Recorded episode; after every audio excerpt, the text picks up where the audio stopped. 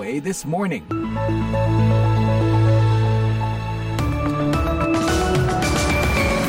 Hai, selamat pagi. Inilah VOA This Morning Selasa 13 Februari 2024. Wah, sehari lagi pasti banyak yang dapat bunga. Masih sabar kan menunggu satu hari untuk memperoleh kartu Hari Kasih Sayang alias Valentine Day. Tidak apa-apa ya mengantisipasi satu hari. Seperti biasa dari Studio 17 VOA di Washington DC, VOA This Morning akan menemani pagi Anda. Saya Marioni dan kita didampingi produser Jimmy Manan serta teknisi Nick Ivanov. Laporan-laporan VOA pagi ini akan mencakup laporan mengenai Kementerian Pertahanan yang membantah tudingan adanya suap dalam pembelian pesawat tempur Mirage 2005. Kami sampaikan bahwa sampai detik ini tidak ada kontrak pengadaan alutsista antara Kementerian Pertahanan dengan PT TNI. Dan juga laporan tentang penilaian sejumlah pakar bahwa konflik Israel-Hamas adalah yang paling berbahaya bagi wartawan. Situasi di Gaza sangat sulit dan juga melakukan peliputan di Gaza. Seseorang bisa terbunuh karena melaporkan berita atau mengambil video untuk disiarkan. Siaran ini juga bisa diikuti secara live streaming di www.voaindonesia.com atau simak lagi dalam podcast VOA This Morning episode hari ini di podcast langganan Anda. Kita awali dengan berita dunia. Pejabat Pentagon telah membatalkan rencana-rencana perjalanan Menteri Pertahanan Amerika Lloyd Austin ke Brussels untuk menghadiri pertemuan penting mengenai Ukraina dan untuk melakukan pembicaraan dengan sekutu NATO. Pembatalan ini dilakukan hanya sehari setelah ia kembali dirawat di rumah sakit karena komplikasi setelah menjalani operasi kanker prostat. Seorang pejabat pertahanan Amerika kepada VOA mengatakan bahwa pertemuan mengenai Ukraina melalui kelompok kontak pertahanan Ukraina yang dijadwalkan pada hari Rabu kini akan diadakan secara virtual. Belum ada kabar apakah Austin akan berpartisipasi dalam pertemuan itu atau bagaimana Departemen Pertahanan akan menangani pertemuan para menteri pertahanan NATO yang dijadwalkan pada hari Kamis. Keputusan hari Senin untuk membatalkan perjalanan tersebut terjadi kurang dari 24 jam setelah pejabat pertahanan mengumumkan Austin kembali dirawat di rumah sakit karena apa yang digambarkan Pentagon sebagai masalah pada kandung kemih. Kanselir Jerman Olaf Scholz Senin mengatakan NATO sangat penting bagi perdamaian dan keamanan Amerika dan negara-negara Eropa. The peace and security of America and for European countries. And so we will stick to this alliance and we are sure that this is also the will. Komentar Olaf Scholz disampaikan menanggapi pernyataan mantan Presiden Amerika Donald Trump yang mengatakan ia tidak ingin melindungi anggota NATO dari serangan Rusia di masa depan jika kontribusi negara-negara tersebut terhadap aliansi pertahanan itu tidak dilaksanakan. Well, sir, uh, if we don't pay and we're attacked by Russia, will you protect us? I said, You didn't pay? You're delinquent? He said, Yes, let's say that happened. No, I would not protect you. In fact, I would encourage them to do whatever the hell they want. You got to pay. Skoll menyampaikan pernyataan pentingnya NATO bagi Amerika saat berkunjung ke Rheinmetall, salah satu produsen artileri dan tank terbesar di dunia yang mulai meningkatkan produksinya setelah invasi Rusia ke Ukraina. Di lokasi Rheinmetall, Scholz menghadiri upacara peletakan batu pertama dengan Perdana Menteri Denmark, Mette Frederiksen.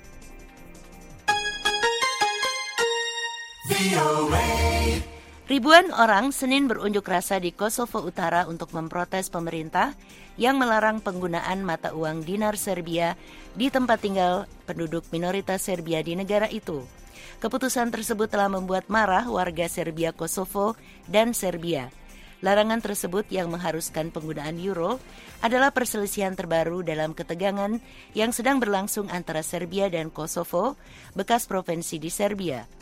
Kosovo melarang bank dan lembaga keuangan lainnya menggunakan dinar pada 1 Februari. Para peserta demonstrasi di Mitrovica, sebuah kota di bagian utara Kosovo, menyebut keputusan penghapusan dinar bersifat diskriminatif dan merupakan pelanggaran terhadap hak-hak penduduk minoritas. dinar digunakan untuk membayar pensiun dan gaji di lembaga-lembaga yang dikelola Serbia, seperti rumah sakit dan sekolah. Sebuah asosiasi pensiunan Serbia Kosovo mengorganisir aksi protes tersebut. Meningkatnya ketergantungan Eropa pada minyak dan gas Norwegia telah membuat instalasi energi di negara itu lebih beresiko diserang, kata kepala salah satu lembaga yang bertugas mengamankan instalasi energi tersebut kepada Reuters Senin. Norwegia pada tahun 2022 mengambil alih posisi Rusia sebagai pemasok gas alam terbesar di Eropa ketika invasi Moskow ke Ukraina merusak hubungan energi yang telah berlangsung selama beberapa dekade dan membuat harga melonjak. Saya prihatin dengan ketergantungan dan tidak ada keraguan bahwa Eropa menjadi lebih bergantung pada gas Norwegia, kata Lars Christian Amod, Kepala Otoritas Keamanan Nasional dalam sebuah wawancara. Ketika ketergantungan meningkat, maka ancaman dan resikonya juga akan meningkat, katanya setelah pemaparan penilaian ancaman tahunan tiga badan intelijen Norwegia. Pemerintah Amerika telah menyita sebuah pesawat kargo Boeing 747 yang menurut para pejabat sebelumnya dijual oleh maskapai penerbangan Iran yang terkena sanksi kepada perusahaan milik negara Venezuela dan melanggar undang-undang pengendalian ekspor Amerika. Departemen Kehakiman mengatakan Senin bahwa pesawat buatan Amerika itu telah tiba di Florida dan akan dibuang. Sekian berita dunia VOA Washington.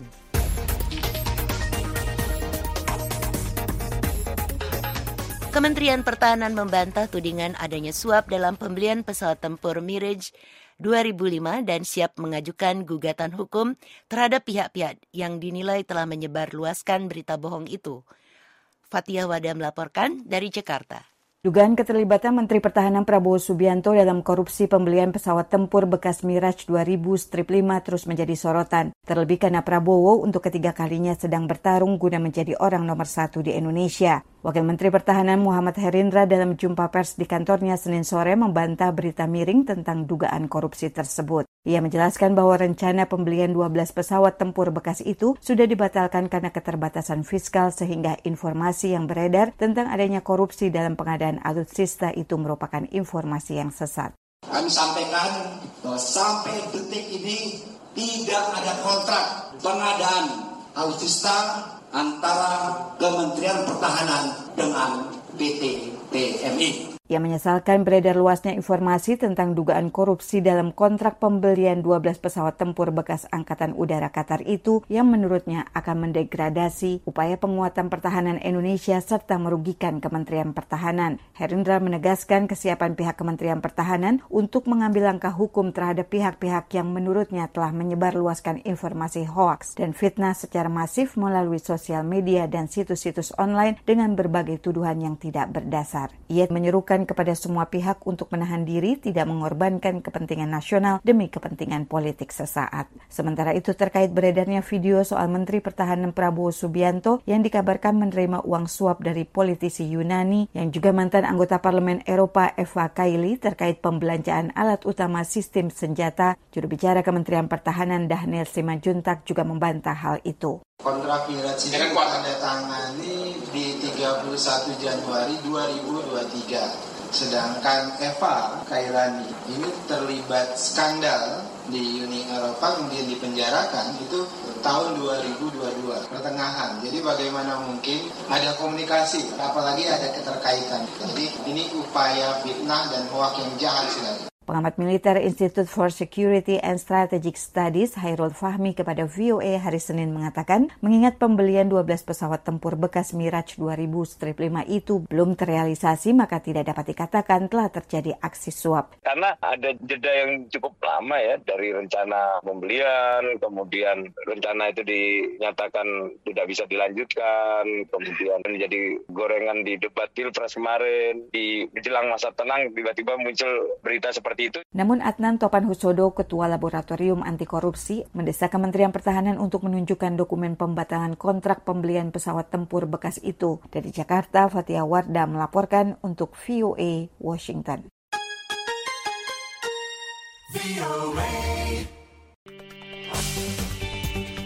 Pendengar jalan-jalan yang ramai dan gedung pencakar langit di kota New York merupakan daya tarik yang mengagumkan. Namun pesan-pesan yang bertentangan dari para pejabat dan macetnya undang-undang imigrasi di Kongres Amerika ikut menciptakan isu yang kontroversial. Berikut selengkapnya.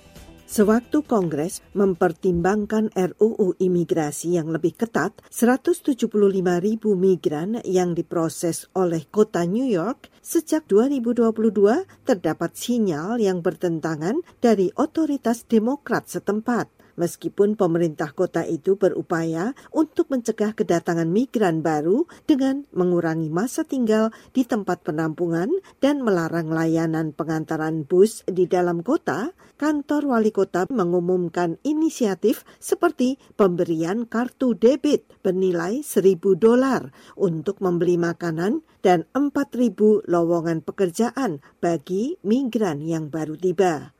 Angel Torres adalah migran baru dari Venezuela. It's good. They give us a lot of help. Bagus, mereka banyak membantu kami para migran, memberi makanan dan pakaian untuk musim dingin. Mereka memberi kesempatan bagi anak-anak kami untuk belajar dan bersekolah. Ketika para migran terus berbagi pengalaman positif dengan orang-orang dari negara asal mereka dan mendorong lebih banyak orang untuk datang ke New York, Wali Kota Eric Adams meminta solusi dari Kongres. Masalah ini telah melampaui cakupan pemerintah kota. Ini adalah masalah nasional. Chicago, Boston, Houston, Washington, pemerintah pusat harus menyelesaikan masalah ini dan tantangan-tantangan yang kita hadapi. Kami melihat gambaran dari kegagalan kebijakan nasional, dan ketika saya berbicara dengan rekan-rekan saya dari kota lain, mereka mengatakan hal yang sama. Terlepas dari upaya bipartisan dan diikut sertakannya berbagai gagasan dari Partai Republik, ada anggapan dari beberapa pihak bahwa para pemimpin Partai Republik di Kongres sengaja menghalangi pengesahan RUU imigrasi. Pemimpin minoritas DPR AS, Hakim Jeffries, mengatakan, Republicans Partai Republik diberintahkan oleh mantan Presiden Donald Trump untuk tidak menyelesaikan rintangan di perbatasan karena mereka ingin menggunakan perbatasan sebagai isu pemilu pada bulan November. Namun, Partai Republik mengaitkan masalah itu dengan Presiden Partai Demokrat dengan mengatakan Biden memiliki waktu hampir empat tahun untuk menyelesaikannya Mantan juru bicara Gedung Putih, Sarah Huckabee, mengatakan, Joe Biden has completely failed. Joe Biden gagal total dalam salah satu tugasnya yang paling mendasar dan penting sebagai presiden. Ia telah gagal melindungi perbatasan dan rakyat kita. Karena kegagalannya itu, para gubernur di seluruh negeri harus mengambil tindakan dan menjalankan tugas pemerintah federal. Ketika Partai Demokrat dan Republik bersaing untuk memanfaatkan isu imigrasi, nasib jutaan migran masih belum jelas. Puspita Sariwati, VOA, Washington.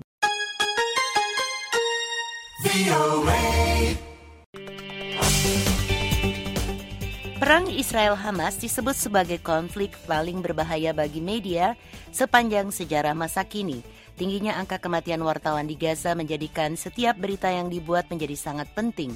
Seiring meningkatnya jumlah wartawan yang menjadi korban jiwa, serta semakin meluasnya perang, kemampuan menyampaikan berita pun menjadi berkurang. Selengkapnya bersama Taris Hirziman.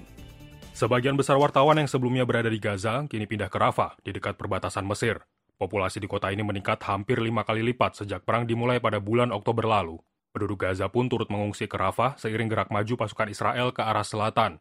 Para wartawan yang bekerja di wilayah itu mengatakan, setiap berita yang mereka buat kemungkinan bisa menjadi berita terakhir yang mereka kirimkan. Namun resiko itu sama seperti perjalanan ke pasar membeli makanan atau bahan bakar, ke rumah sakit untuk mencari orang hilang, terluka, atau meninggal dunia, atau bahkan ketika masuk peraduan setiap malam. Wartawan Palestina Motasim Mustaha menegaskan resiko itu. Situasi di Gaza sangat sulit dan juga melakukan peliputan di Gaza. Seseorang bisa terbunuh karena melaporkan berita atau mengambil video untuk disiarkan. Tergantung dari siapa yang menghitung, jumlah wartawan yang meninggal dunia dalam perang Israel-Hamas bervariasi. Namun semua hasil menunjukkan tingkat kematian jurnalis dalam perang ini lebih tinggi dibandingkan dengan perang lainnya dalam sejarah dunia modern. Komite Perlindungan Jurnalis melaporkan sebanyak 85 jurnalis meninggal dunia, Sementara PBB menyebut 122 jurnalis menjadi korban jiwa. Sementara para jurnalis di Gaza mengatakan jumlah tersebut telah meningkat menjadi 130 orang sejak laporan terakhir dipublikasikan. Meski begitu, hal itu tidak menjadi alasan bagi para jurnalis di Gaza untuk menghentikan peliputannya.